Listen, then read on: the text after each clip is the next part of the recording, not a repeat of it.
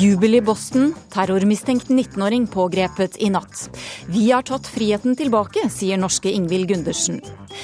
Jeg fikk sjokk da pappa fortalte meg at jeg var donorbarn, sier 20 år gamle Maria. Sæddonasjon er tukling med skaperverket, mener foreningen foreldrerett.no.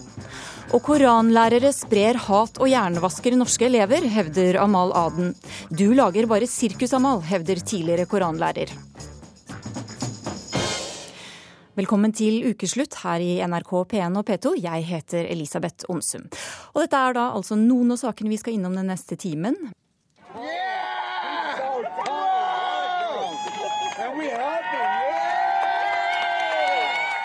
Ja, Det brøt ut eh, jubel i gatene i Boston i natt da politiet annonserte at de hadde tatt den siste av de to mistenkte, mistenkte etter terrorbombene som drepte fire personer i Boston.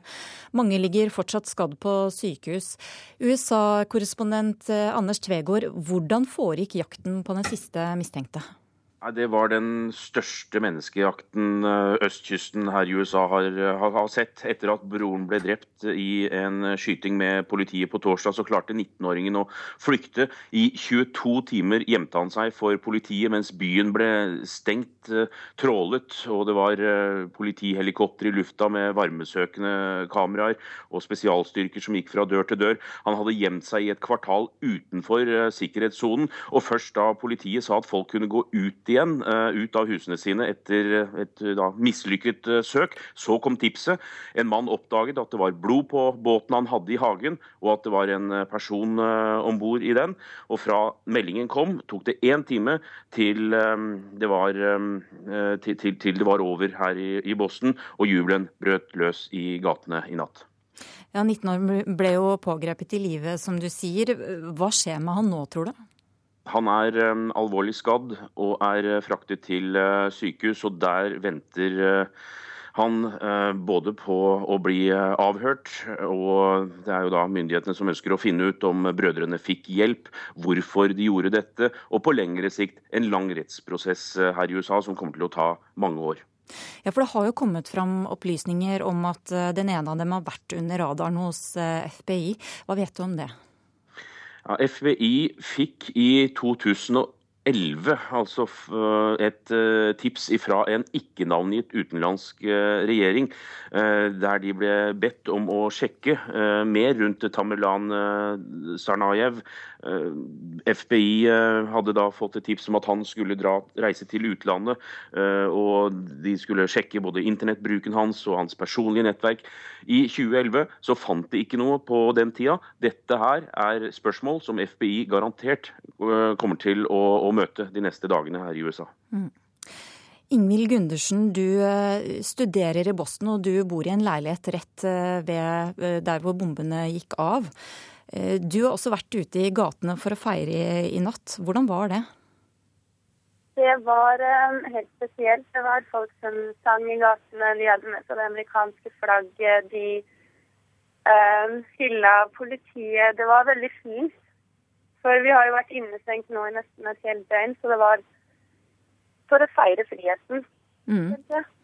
Hvordan har det vært å sitte inne og vite at det fortsatt er eh, en på frifot? Det har vært utrygt. Det har vært um, en veldig spent situasjon. Jeg sitter inne sammen med de jeg bor med og sett på nyhetene hele dagen. Og, og bare håpa på at de skulle finne han og at, det, at de kunne finne han og at han fremdeles var i live. Ja. ja. Du, du, eh, er jo bekymret for at det har jo kommet fram at disse er, eh, er muslimer, og, og, du jobber sammen med flere muslimer som uttrykker bekymring for hva som eh, kan skje med dem. Hva er det de forteller deg? De fortalte meg når jeg kom på jobb på tirsdag at de ba og håpa om at det her ikke skulle være en muslimsk gruppe eller en muslimsk mann eller kvinne, for de har vært gjennom mye. og de føler seg utrygge, og de føler seg trua av veldig mange amerikanske folk. Og når det da viste seg at det var en muslim, så jeg er selvfølgelig bekymra for hva som kommer til å skje videre, og hva folk tenker og gjør med det. Ja. Anders Tvegård, tror du de har grunn til å være bekymra? De har jo opplevd og blitt trakassert tidligere etter, etter terroraksjoner. Presidenten han holdt også en tale i natt fra Det hvite hus. Han la vekt på at noe av styrken med USA er at folk kommer hit fra forskjellige lag. I den beskjeden så lå det en oppfordring også om at nå må man finne motivet for terroraksjonen, og sånn sett stå samlet eh, videre. Ja, For det har ikke kommet fram noe mer om motivet? Det er en etterforskning som nå starter igjen eh, for fullt, nå som eh, byen her ses på som trygg. Det er ingen andre trusler rundt her, men politiet jobber med å se om eh, de arbeidet alene. Det har vært flere avhør også i natt av kretsen rundt brødrene. Dette her er et arbeid som naturlig nok kommer til å, å ta lang tid å, å, nøste opp, men folk puster nå lettet ut inntil det da kommer mer krav igjen herfra for å vise vite hvorfor dette skjedde i Boston. Vi sier takk til eh, dere to. Eh, vi skal eh, til London, for der gjør du deg klar til å løpe maraton i morgen, Trude Lea? Ja. ja. ja. jeg er med dere, ja. ja. Og det, det, har jo vært et stort fokus på sikkerhetstiltak etter angrepene i Boston, naturligvis. Og er du lettet over at de mistenkte er tatt? Ja, det føles selvfølgelig eh, betryggende. Selv om jeg aldri har vært eh, veldig redd for sikkerheten i London. Etter Boston så, så, det, så var det med, med lettelse at vi våknet opp til den nyheten i dag morges. Mm. Men hvordan preger da disse terrorangrepene eh, arrangementet i London? Eh, nå var vi henta startnummer i går, og da lå det oppi et svart sørgebånd som de oppfordret oss til å, å feste på, på trøya. Og Det har vi i, hvert fall eh, i vår gruppe blitt enige om at alle skal gjøre, i, i respekt for, for ofrene og, for arrangementet i, i Boston. Så, så, jeg tror nok, tipper nok at det vil være nesten i underkant av 40 000 som løper med svarte sørgebånd i morgen. Og, og det var òg eh, opprettet en, eh, en vegg eh, på messeområdet der vi henter startnummeret, som eh, vi kunne skrive en hilsen til eh, i forhold til Boston. og det var det utrolig mange som har, som har gjort. Du er jo en eh, erfaren maratonløper, men, men, du har to barn. Du vurderte ikke å trekke deg? Nei, eh, det gjorde jeg ikke. Og mine to tvillinggutter på ti år de er her med meg nå. Eh, vi sitter 100 meter fra løypa. Så de gleder seg til å se meg springe, og det gleder jeg òg meg til. Og viser de hvorfor jeg syns dette er så fantastisk. Og, og, det er klart at Nå sitter jeg 100 meter ifra der som nesten ved målpasseringen, og, og det er litt politiet i gatene de, de, begynner å rigge til sperringer og sånne ting. Så, så jeg, tror, eh, jeg, tror, dette blir et veldig fint arrangement i morgen. Da får vi bare ønske deg lykke til. Takk skal du ha. Tusen, tusen takk. Går dere på eh, koranundervisning? Ja. ja. Hva lærer dere der? Eh, vi lærer om Gud. Mm. Gud og hvordan man ber. Mm. Og hvordan man leser Koran. Det skal handle om eh, koranundervisning litt senere. Amal Aden mener nemlig at noen koranlærere hjernevasker elever og lærer dem å hate det norske samfunnet. Hun møter en tidligere koranlærer til debatt. Men før det så skal det handle om noe ganske annet. Det fins flere menn som bør onanere og donere, for det er nemlig knapt med sæd på sædklinikken allerede, heter det i en helsides annonse i avisa Vårt Land. Og det er det du som har skrevet, eh, Øystein Aasen, daglig leder av foreningen foreldrerett.no. Hva er det du vil med denne annonsen? Altså Foreldrerettforeningen som jeg representerer, og jeg selv da selvfølgelig, vi har inntatt et standpunkt som er sånn at vi mener prinsipielt skal alle barn ha rett til å vokse opp sammen med sin egen biologiske mor og far. Vi mener at i den verden som spesielt nå avsløres, holdt jeg på å si, eller blir, blir tydelig, med så mange alternativer, så mange etiske avveininger, så er det den fremtidsretta og egentlig eneste skal vi si, farbare veien for å unngå å havne i det ene dilemmaet etter det andre. Så vi holder på det. At sånn som andre mennesker må leve med sine holdt jeg på å si, mangler i livet, så må også noen mennesker leve med det at de kan faktisk ikke bli foreldre. Ja, Så det betyr at barnløse ektepar, homofile eller enslige, de bør ikke få hjelp til å få barn? Ja, altså Det er en konsekvens av å ta et prinsipielt standpunkt, som jeg sier vi har gjort. Det er helt riktig. Mm. Er det tukling med skaperverket å, hjelpe? Ja, altså det vil jeg si det er. fordi at Vi kan godt si det er å hjelpe, men poenget her er det at i motsetning til for eksempel, sånn som noen da sier en, en blodoverføring eller en, donan, en, en, organdonasjon, det gjelder kun de to personene. ikke sant? Det er Man gir blod, og en annen får blod, og det er en på en måte ukomplisert sak. Men her, når det gjelder å donere da genetisk materiale, så gjelder det jo en tredje person som kommer inn i bildet. Så vi mener det at det er tukling med skaperverket. Og vi har en tredjeperson her i studio, nemlig Maria Rydeng. Du er 20 eh, år gammel og donorbarn. Ja. Hva sier du til det som, eh, som, Øystein Aasen eh, sier her? Han sier du er egentlig resultatet av tukling med skapverket. Jeg mener det at når et ektepar eller en enslig kvinne eller et homofilt par ønsker så sterkt å, å få et barn, et kjærlighetsbarn, så syns jeg de på lik linje med alle andre skal kunne få det. Min mor og min far hadde vært sammen i mange år, og pappa kunne dessverre ikke gi mamma det barnet hun ville ha. Så de valgte å gifte seg, for loven sa da at man måtte være gift for å ta i bruk assistert befruktning. Og pappa holdt mamma i handa gjennom hele prosessen hvor hun ble inseminert av en fremmedmannssæd. Og jeg vokste opp helt fint, hadde en fin oppvekst, og jeg har en mor og en far. Og den tredje personen som, har, som er donor, eller donoren, da, eh, har ingenting for meg å si. Han er han er bare i mine øyne en flott person som har vært snill og hjulpet til for å hjelpe barnløse par som trenger hjelp. Så i mine øyne er han bare en fantastisk person som har gjort meg til, da. Mm. Og eh, genetisk sett har ingenting å si for meg i det hele tatt. For det er min far som har hjulpet meg å sykle, lært meg å sykle, lært meg å kjøre bil og har forma meg til det mennesket jeg er i dag, da. Mm. Og det har ingenting å si med hvem det er det deler genetiske bånd med. Men for et par år siden så fikk du altså vite at han som du har vokst opp med og har trodd at var din eh, biologiske far, ikke var det. Mm. Hvordan skjedde det? Eh, det skjedde under en eh, Det virka som om pappa hadde gått og båret på det ganske lenge og syntes at det hadde vært veldig tungt for han. Så under en litt sånn kvass diskusjon hvor jeg forteller pappa at han ikke har kjøpt Biola for det var Biola i kjøleskapet. Så si, brukte jeg alltid å si før jeg, før jeg, ble 18 år at ja, når du har tatt det valget å føde et barn, så har du også tatt det valget om å fø med mat til hun gammel nok å ta vare på seg sjøl. For jeg var jo fortsatt ikke blitt 18 og voksen. Og da bare brøla pappa i ansiktet mitt, men jeg har ikke laga det. Så det kom jo som et sjokk. Eh, og det var, jo det var jo en traumatisk opplevelse. Og det var jo eh, var jo en prosess man måtte liksom, Man måtte jo på en måte finne seg sjøl litt på nytt igjen. da. Man føler at man mister litt sånn halve identiteten og trodde jeg jo hadde grønne øyne og skrev med venstrehånda fordi at han pappa gjør det. Og plutselig er ikke det realitet i det hele tatt. Men eh, det gikk fort over den der, den der eh, Altså at jeg ble litt sånn sint. Det var, jeg syns bare rett og slett enda mer, mer synd på han og tenkte at eh, herregud, hvor tøff han er som har, som har gått gjennom dette, og som som har stått her med mamma og visste at dette i 18 år ikke er hans biologiske datter. Mm. Men du fikk en slags krise?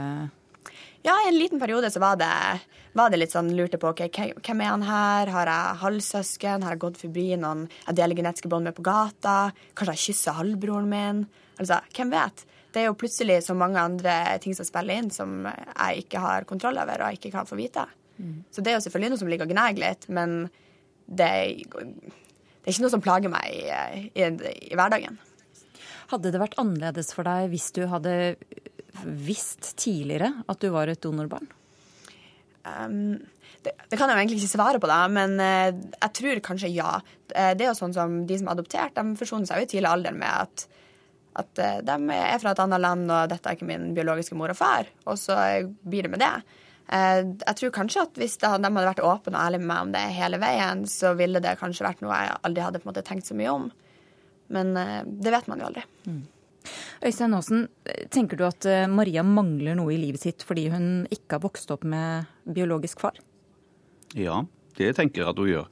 Men jeg hører jo hennes eget ord på hvordan hun opplever det i dag, og det har jeg veldig respekt for. Man skal aldri overprøve eller underkjenne menneskers egen skal vi si, bekjennelse eller vitnesbyrd om hva man egentlig opplever. Ja. Men hva er det du tenker at hun mangler? Jeg tenker at hun mangler en, eh, en uh, genetisk slektstrekke som mennesker flest har. Og jeg tenker at uh, selv om hun nå som ung kvinne ikke opplever at det er et problem, så, så vil jeg jo kanskje ikke være 100% sikker på at ikke det kan være noe som dukker opp på et eller annet annet senere tidspunkt. I hvert fall er det sånn at mange mennesker da uttrykker at de faktisk syns det er vanskelig og komplisert å ha en sånn tilblivelse.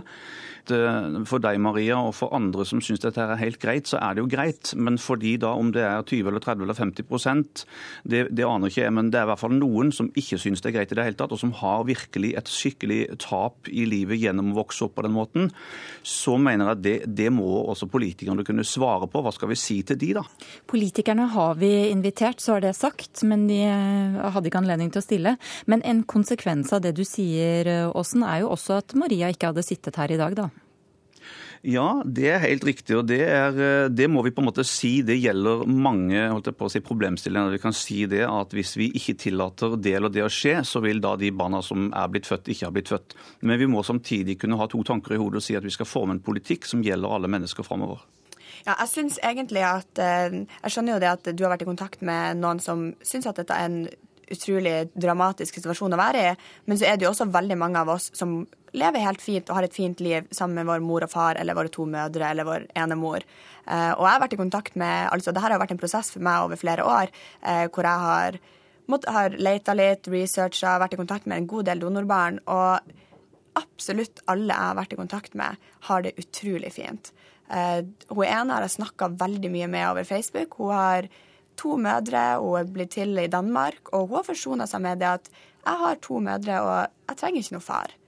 Det som er problematisk nå, er at man planlegger dette. At barn da skal godta og synes det er greit å bli født på den måten uten å ha noen medbestemmelse i det hele tatt. Men tenker du på at, du, at dette kan virke støtende på en hel del mennesker? Det som jeg sier nå? Mm.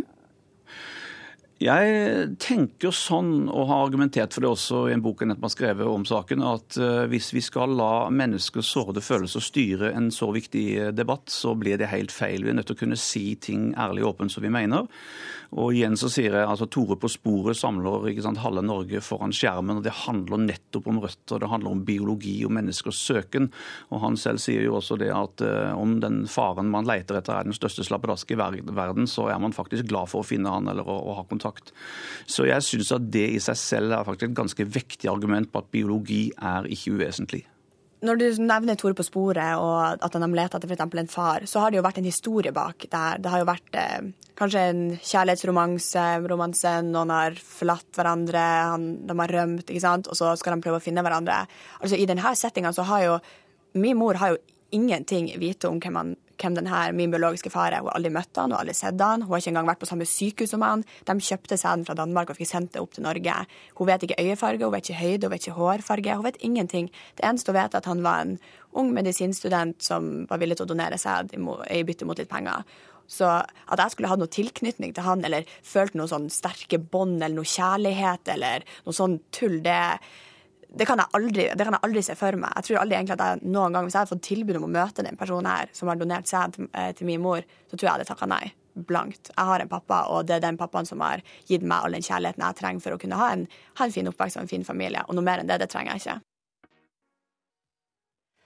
Området rundt Akerselva og Grønland i Oslo er Norges farligste.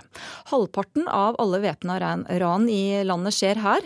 Men mens politiet viser til en nedgang i antall anmeldelser og mener folk ikke har grunn til å være redde, har mange beboere fått nok. Ukeslutts reporter Steinar Solås Suvatne dro til Norges farligste område for å møte noen av dem.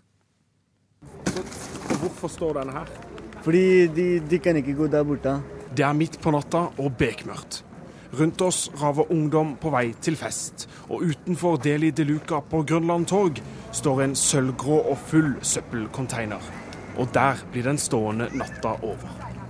De som jobber her, tør ikke tømme søpla mens det er mørkt. De er redde for de andre som er på Grønland sammen med oss i nattetimene akkurat nå. Ja, de tør ikke. De blir redde. Hva er det som er der borte? Jeg vet ikke. Det er mange drittsekker der. Mange som er ikke snille vold, voldtekter og narkotika. Politiets statistikker viser at området øst i Oslo sentrum, fra Jernbanetorget til Grønland, er belastet. 40 av Oslos kriminalitet foregår her, i Grønland politikrets.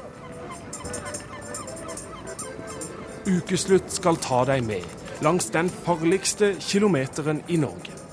Fra tigerstatuen på Plata via Akerselva til Grønland torg. En politikrets med over 7200 rapporterte forhold i løpet av årets tre første måneder. Neste stasjon Grønland. Som jeg sa, så har jeg jo hatt eh, naboer som har opplevd at barn som når de skal gjennom disse gjengene, har blitt dyttet eh, såpass hardt ned på bakken at de har fått skrubbsår og blitt livredde. Berit Jagmann, som leder Grønland beboerforening, forteller at mange her er redde selv når det er lyst. Og som du ser, så er det jo fullt av unger her. Ja. Syns du det er greit å bo på Grønland? Ja. Ja, det er bra. Det skjer alltid rare ting her. Det er mange narkomaner og Slåsskamp og narkomaner. Ja, kaster øl på hverandre og sånn. Ser dere dette ofte? Ja, vi ser det nesten hver dag. Der dere bor? Ja. Vi ser det nesten hver dag. Og noen, slipper, noen slipper bikkjene fri og løper etter oss. Ja. Gjør de det? ja. Og vi må løpe, dessverre. Blir dere redde? Ja, ganske redde. Jagmann blir opprørt over det barna i bydelen forteller oss. Jeg syns ikke at politiet gikk på langt nær gjør nok. Altså, Politiet ville kunne løst mesteparten av de problemene vi har her. Jeg tenker jo at de ikke prioriterer det høyt nok. Du vet jo ikke på en måte om noen vil gjøre noe. Altså, Det er jo det som ligger i utryggheten. Eh, når du opplever trusler, så kan du si at nei, nei, det er sikkert bare tomme ord. Og det er jo det som skaper utrygghet og redsel. Nå er vi på Grønland Torg, som du ser så her stille og fredelig. Kåre Stølen er politisjef på Grønland. En stasjon med like mange væpna ran som resten av Norge til sammen. Men Stølen avfeier Jagmanns påstander om at Grønland bare blir verre. Tvert imot, sier han, her blir det bare tryggere og tryggere. Men hvis folk føler seg utrygge, så tar politiet det på alvor, for vi er litt forskjellige. Og det er forskjellige generasjoner og forskjellige typer. Og det tar vi på alvor, som sagt. Føler du deg selv trygg hvis du spaserer i herifra ned mot Oslo S? Ja, ja, ja. ja. Politiet på Grønland mottok 28% færre anmeldelser i første kvartal i år enn i samme periode i fjor. Og Politiet mot 2020 så skal vi da styrkes fremover der. da. Og så er det åpne rusmiljøer som vi har styrket. Det er boliginnbruddene som vi har styrket, og de har gått fantastisk ned. Lommetyver har vi styrket og skal styrke videre. Ransgruppe skal vi styrke mye. Så egentlig så er vi Men dette tar tid. Jeg er utrygg. Jeg går ikke ut når det er mørkt alene lenger. På kafeene er beboerne i området samlet for en ettermiddagsstram, og mange føler seg stadig mer utrygge der de bor. Så er det jo en nabo inni der da, som har slått ned to ganger i garasjen. Stjal, prøvde å stjele PC-en hans den ene gangen. Naboen deres? Ja. Tør du gå hjem alene? Jeg gjorde det før, ja. Da gikk jeg hjem. Men nå gjør jeg ikke. Nå bruker jeg taxi. Det er åpent. Det er helt fritt. Det er, det er fritt vilt. Tore har vært drosjesjåfør i Oslo i en mannsalder. Han sier det var tryggere før, og støtter opp om dem som ikke tør å gå utendørs alene på kvelden. På visse tider av døgnet så er det lovløst. Derfor så ser du jo da at det, jenter som går forbi, og som ikke vet at det er det, de utsetter seg selv for noe. De er ute for en fare. En jente som går, er kanskje to. Kanskje. Men de, er, de, de, de lever i en farlig verden hvis de går, her, altså går hjem fra fest ett på natta. No way, altså. Ikke jente. Aleine, da er du dårlig stelt. Neste stasjon Jernbanetorget. Overgang. Oslo. Når jeg kan tenke tilbake, så kan jeg tenke det at jeg hadde kanskje en magefølelse på at uh, han fyren som jeg gikk bort til, at han kanskje ikke helt var en god type. Det Tuva gjorde galt denne junikvelden. For å krysse gata fordi en mann vinket på henne. Og jeg blir dratt av gårde rundt et gatehjørne, og uh, der uh, voldtar han meg. Og Der er også kompisgjengen hans.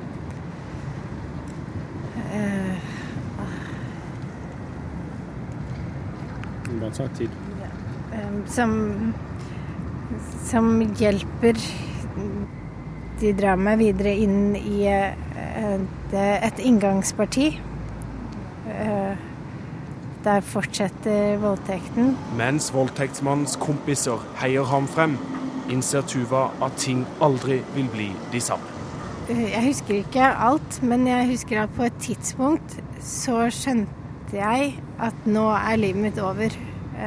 Nå har jeg mistet alt. Det er ikke noe Det er ikke noe mer igjen. Rett her borte? Ja, altså ser du ved enden på det oransje huset der? Ja. Ikke sant? Der hvor det står P. Inn i porten inn der ble hun funnet. Forrige helg ble to jenter voldtatt på Grønland. Jagmann i Beboerforeningen viser oss det ene åstedet, en parkeringskjeller.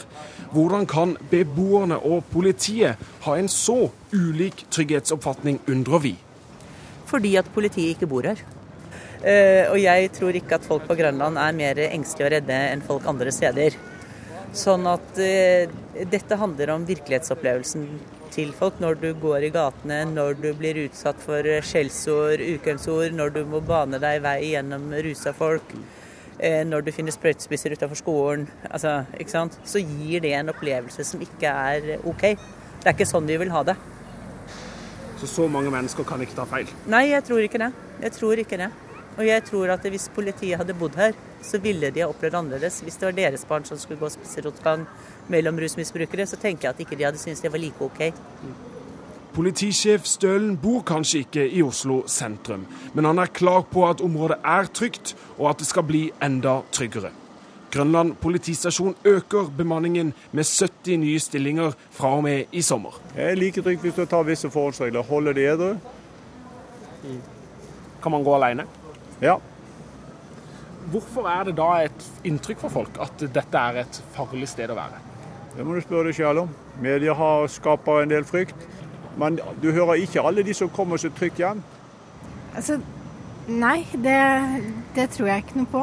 Tuva mener Oslo ikke lenger er en by hvor man kan passe sine egne saker, og dermed få gå i fred. Jeg har jo selv erfart at det er mennesker her ute som ikke er er trygge, som ikke er gode mennesker, som ikke har gode hensikter. Altså, jeg kan forstå at politiet sier det, at de, de ønsker at det skal være sånn, men det blir litt naivt, egentlig. Tilbake på Grønland torg, der hvor vi startet vår kilometerlange reise. Javid har omsider tømt søpla nå som det har blitt lyst. Og i smalgangen over en formiddagskaffe har en lokal beboer kommet hjem fra utlandet. Jeg var i New York, kom nettopp hjem, og uh, som jeg sa her i sted, så uh, det er litt rart når du føler deg tryggere i, i, en metropol som New York enn din egen by Oslo, liksom. Det, det er litt betenkelig.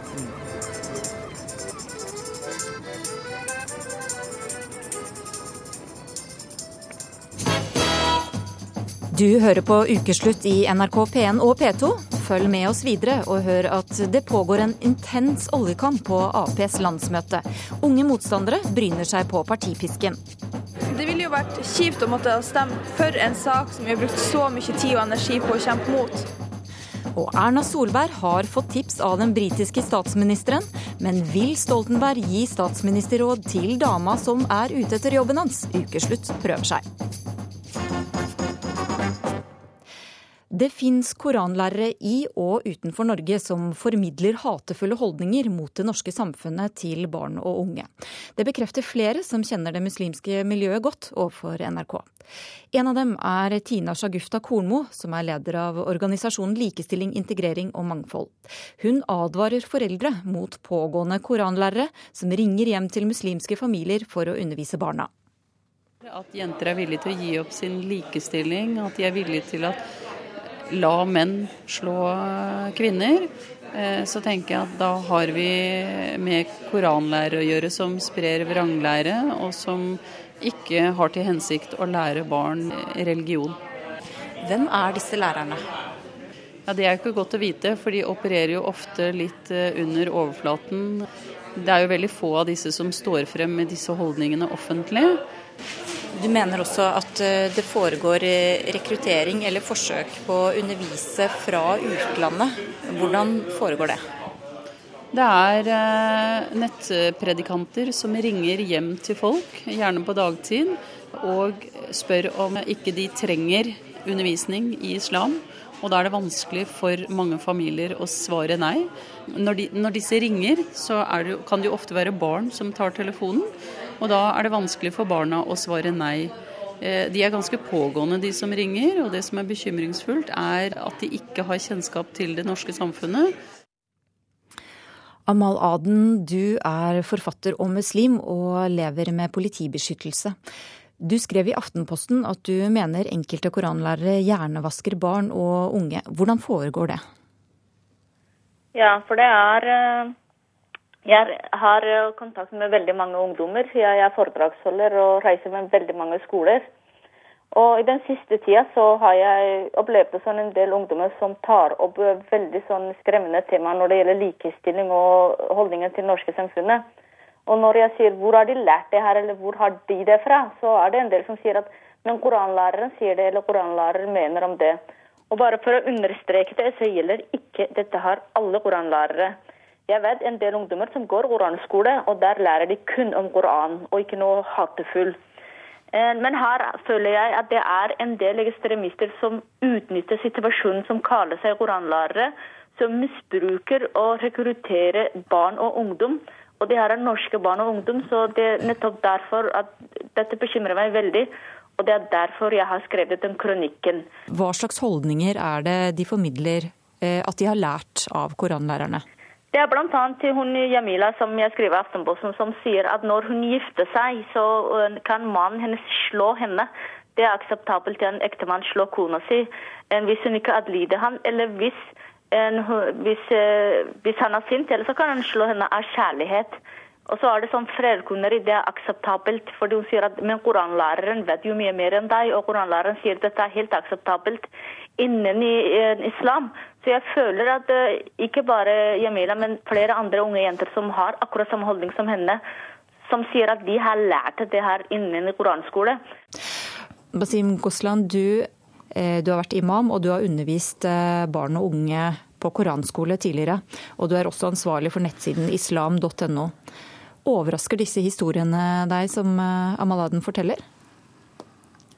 Eh, I dette omfanget som ML beskriver, det, for, det, overrasker meg veldig. Fordi dette er ikke denne verden jeg kjenner. Jeg har rimelig god kontakt med muslimske organisasjoner, med koranlærere. Eh, jeg har som sagt undervist barn selv, jeg har kontakt med ungdom i daglig. Og, og denne, disse holdningene som ML snakker om, er, ikke noe som jeg opplever i det hele tatt, faktisk. Det, jeg, jeg, jeg, kan ikke huske Men Har du aldri hørt om det? Eh, sånn teoretisk sett kan jeg som sagt tenke meg at en eller annen koranlærer eh, sier noe dumt, teoretisk sett. Men når du sier noe dumt, hva mener du da? F.eks. at man som muslim ikke skal ha eh, ikke-muslimske venner. At man ikke skal være veldig god venn med norske jenter eller norske gutter, for den saks skyld. Eh, slike ting. Eh, eller at en kone som muslimsk eh, dame skal tåle at ektemannen slår henne. Noe sånn, altså Det kan komme noe slikt. Det kan, det kan hende. Teoretisk sett, altså.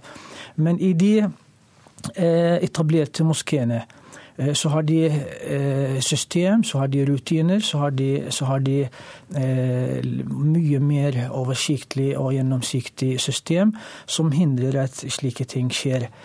Eh, Amaladen, hva sier du til det? Eh, nei, Det jeg sier til det er her, er Jeg sier ikke at det gjelder alle moskeene. Jeg sier ikke at det gjelder alle koranlærere.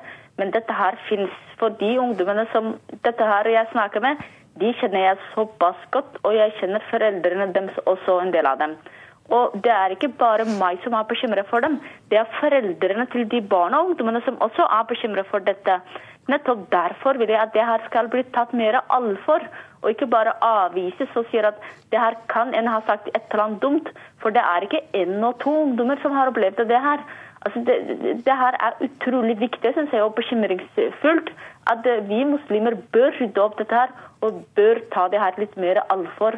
For å undersøke hvor, Er det noen som har egentlig oversikt hvor mange koranlærere det finnes i Norge? hva slags utdannelse de har, hva slags holdninger de har til norske samfunnet. Hva lærer de barna? Det er sånn type konkrete liksom, Noe må gjøres her, altså. Eh, Det hadde vært veldig fint å følge saken opp der og da. Ikke vente til du kommer til studio, Amel.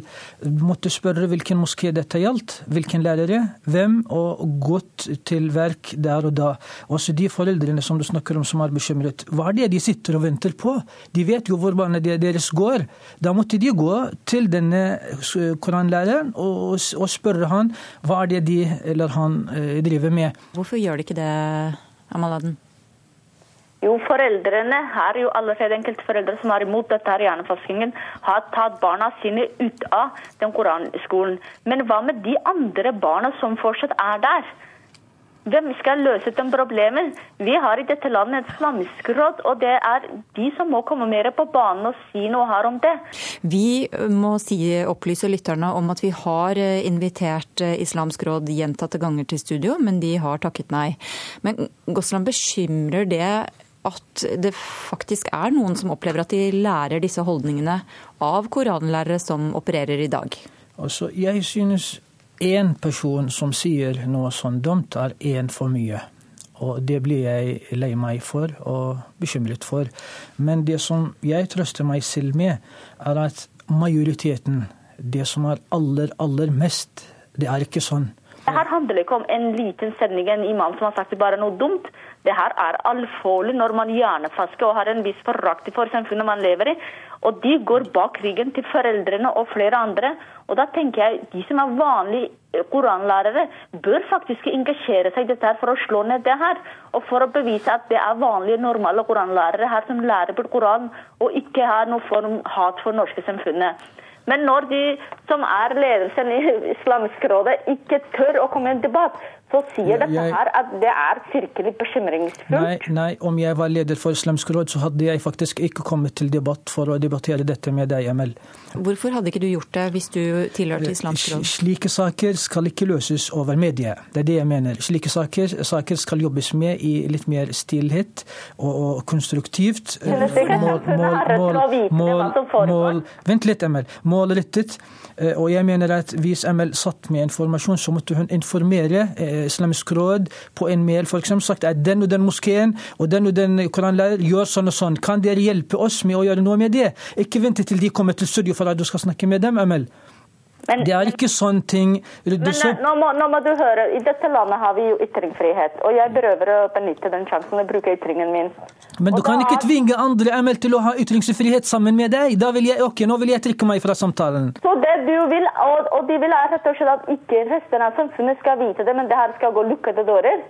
Og det du vil, er, at resten av samfunnet skal vite alt før Islamsk råd selv vet noe. Ikke sant? Det kan jeg også si. Jeg er ikke interessert i sirkus, skjønner du. Dette er sirkus, kaller jeg. Et, et øyeblikk. Ja. Eh, Aden, hvorfor har du ikke tatt eh, direkte kontakt med. Islamsk råd? Er du klar over jeg risikerer livet mitt for å gjøre noe sånt? Mm. For, da får de komme i en debatt. For jeg vil ikke at det her, jeg vil ikke at det, når barn og ungdom skal hjernefaskes, jeg vil ikke at det skal løses bak lukkede dører. Jeg vil at vi skal ta den debatten i offentlighet, og det synes jeg samfunnet faktisk er fortjent til det, å høre hva som foregår i norske samfunnet. Har du, har du et råd til hva jeg kan gjøre, Amel? det, ja, det, ja, jeg har veldig mange råd. Ja. faktisk, Nei, ja, et, et råd. Viktigste, viktigste rådet. Kom Det aller viktigste rådet er ta den debatten inne i muslimske ledelsen og imamene, og tenke hva dere kan bidra for, okay. å, for å hjelpe disse barna og ungdommene før, de, før de havner feil i hender. Kommer du til å gjøre det, Goslan? Denne debatten har allerede eh, og at eh, man ønsker å vite hvor slike ting foregår, for, for at man skal ta det mer eh, konstruktivt. Det pågår en, eh, et iherdig arbeid på bakrommet med å komme fram til en løsning på Ap-landsmøtets store stridsspørsmål, spørsmålet om oljeboring i Lofoten og Vesterålen. Utøya-generasjonen, AUF-erne, har flere delegater enn noensinne, og de står steilt på sin motstand. En av dem har måttet kjempe hardt for å få stemme som hun ville. 19 år gamle Anette Davidsen fra Nordland skal møte sine egne. I ei steintrapp bak landsmøtesalen sitter nær 70 ungdommer seg tett i tett for å fraksjonere. AUF-leder Eskil Pedersen leder troppene. Eh, ok, alle sammen. Velkommen til eh, delegasjonsmøte nummer tre, tror jeg. AUF har aldri tidligere hatt flere delegater på et landsmøte. Vi må fortsatt ha mulighet til å gå i trappa, så folk må sette seg inn, sette seg tett. For Utøya-generasjonen i trappa er ei sak viktigere enn alle andre. Konsekvensutgreiing om oljeboring utenfor Lofoten og Vesterålen. Vi har fortsatt vind i seilene. Det er mange tvilere der ute, og vi skal gjøre det vi kan for å overbevise dem. Anette Davidsen er enig med sjefen sin, altså AUF-lederen. Jeg representerer jo AUF i Nordland. Vi har gjort klart og tydelig vedtak på dette. Vi er imot en konsekvensutredning. Men da hun kom til landsmøtet torsdag, ville hennes andre sjef, delegasjonsleder fra Nordland, statsråd Lisbeth Berg-Hansen, få henne inn i folden. Hun ville svinge partipisken. Nordlands delegater er selvfølgelig møtt av årsmøtevedtaket i Nordland Arbeiderparti. For avstemninga om Lofoten og Vesterålen ser ut til å bli jevn. Jevnere enn ledelsen først trodde. De frykter et nederlag. Arbeiderpartiet er kjent for å være et parti der makta rår. Inne i den tettpakka landsmøtesalen tar Marianne Wilhelmsen, generalsekretær i AUF, til motmæle mot de voksne og partiledelsen si overstyring. Det finnes for mange eksempler på at noen forsøker å presse AUF på plass. Hun mener det er et problem for hele partikulturen. Enkelte bindes til å stemme mot AUF sin politikk i vår kjernesaker. Sånne eksempler er med på å undergrave en levende debatt i partiet. I Nordlandsdelegasjonen får de med seg applausen og sakene i NRK og andre medier om AUF-leiren som blir tvunget til å stemme for noe hun er imot. Gruppeleder i Nordland, Thomas Norvoll, kommer ut fra landsmøtesalen for å fortelle at de har snudd. Anette Davidsen, som er leder i AUF i Nordland, hun er valgt i vår delegasjon for at hun er leder i AUF i Nordland. Så det er naturlig at hun blir fristilt i denne saken og kan stemme med AUF. Jeg var selvsagt veldig glad for at eh, jeg får lov til å stemme på det jeg vil. Det er jo. Hvordan ville det vært for det hvis du ikke hadde fått lov? Det ville jo vært eh, kjipt å måtte ha stemt eh, for en sak som vi har brukt så mye tid og energi på å kjempe mot.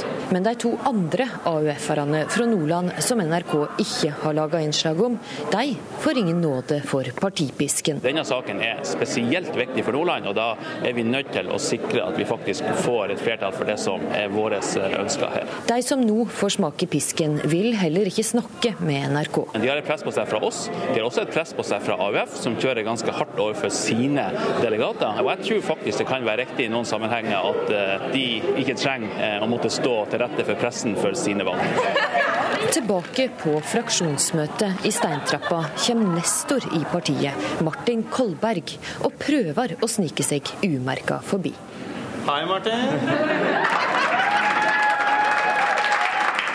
Var det, var det her dere fraksjonerte i dine dager òg? Nei, det var, det var ikke møtene, det var ikke her, vet du. Men dere fraksjonerte? Ja, absolutt. Vi, vi var mye verre enn dere. Det kan jeg love dere. Og det blir folk av dere òg, ikke sant? Ja, Det var rapporter Astrid Randen som hadde vært på landsmøtet til Arbeiderpartiet. Denne uka ble Høyre-leder Erna Solberg invitert inn i varmen på statsministerkontoret til David Cameron i London. De diskuterte sikkerhet og beredskap, og Cameron ga også noen tips om hvordan eh, han driver sitt statsministerkontor. Ukeslutt ville gjerne bidra litt til Stoltenbergs statsministerskole, så vår reporter Linn Beate Gabrielsen søkte hjelp hos noen av våre mest erfarne statsministre.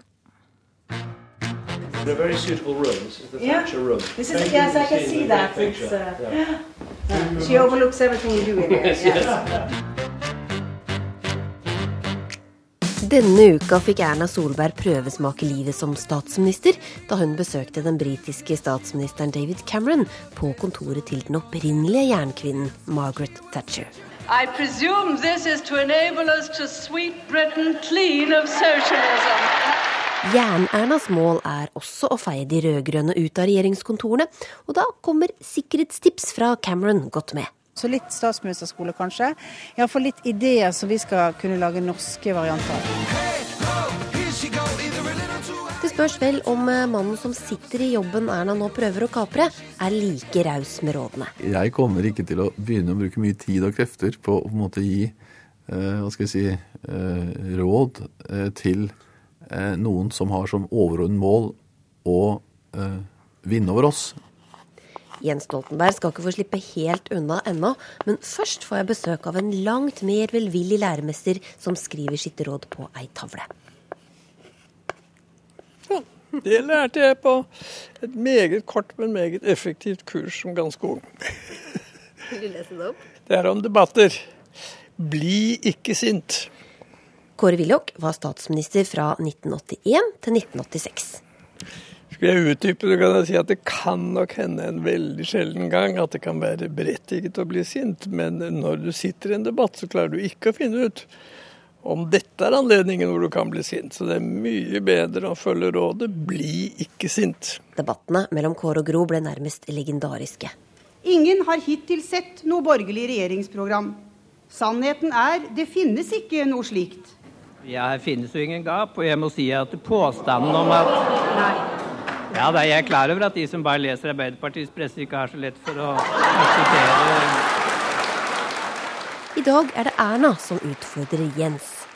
Jeg møtte jo Erna første gang i den forsvarskommisjonen som jeg hadde den ære og glede å lede på begynnelsen av 1990-tallet. Og jeg la jo merke til at uh, denne forholdsvis unge damen hadde akkurat den uh, søkende holdning og uvilje mot uten videre å godta etablerte sannheter, som er veldig viktig for å nå frem til nye og bedre resultater. Dagsrevyen 1990. Erna diskuterer banklovene. For oss er jo dette et prinsipielt standpunkt om hvem som eier bankene og hvem som skal styre de. Og vi syns det er viktig at eh, vi nå får aktive eiere som oppfører seg profesjonelt. 23 år senere. Erna Solberg står utenfor døra til Dagsnytt 18-studio. Det er tid for duell med statsminister Jens Stoltenberg, som i sin landsmøtetale samme dag har skjerpet tonen overfor opposisjonen. Jeg er så inderlig lei av Fremskrittspartiet og Høyres elendighetsbeskrivelse av Norge. Erna Solberg, Hvordan vil du beskrive det bildet statsministeren gir av opposisjonen, og særlig av uh, Høyre? Jeg syns jo dette var en sjeldent sur landsmøtetale. Sjelden... Erna klarte i hvert fall å ikke bli sint. Jeg ringer Kjell Magne Bondevik for flere råd. Nå satt jo hun i min andre regjering og plukka vel kanskje opp noen tips eh, fra meg også. Men hvis hun blir statsminister, er det tre råd jeg tillater meg å gi. Det første er at hun må legge mye arbeid i å bygge et team. Det andre er at det er viktig at hun som Høyres leder setter seg inn i og forstår de andre regjeringspartienes behov. Fordi alle regjeringspartier må kjenne at de kommer ut som vinnere, og ingen som tapere. Det er på tide å gå til Erna med rådene. Hun får Willochs tavle først. Om debatt blir ikke sint. Det er det sjelden jeg blir. Jeg tror eh, kanskje jeg er en av de av og til til irritasjon for folk roligste politikerne i Norge. Gjennomføringsevne trekker han også fram som viktig. Det er jo jeg veldig opptatt av. Altså jeg mener jo at eh, En viktig del av regjeringens arbeid det er ikke bare å sørge for at vedtak blir fattet, men det er faktisk å sørge for at de blir gjennomført. Men jeg lovte å ikke gi meg med Jens.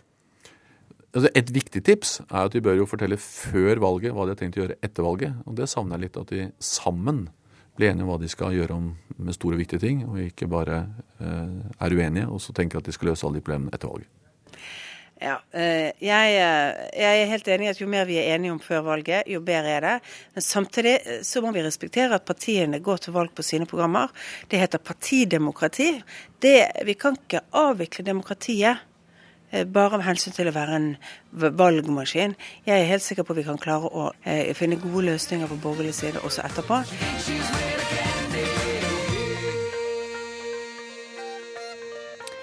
Og 9.9 vet vi om Erna Solberg får bruk for tipsene. Ukeslutt er slutt. Vi takker for følget, men stikk gjerne innom Facebook-siden vår for ris og ros. Ansvarlig for sendingen var Kari Li, teknisk ansvarlig Finn Li. Jeg heter Elisabeth Onsum.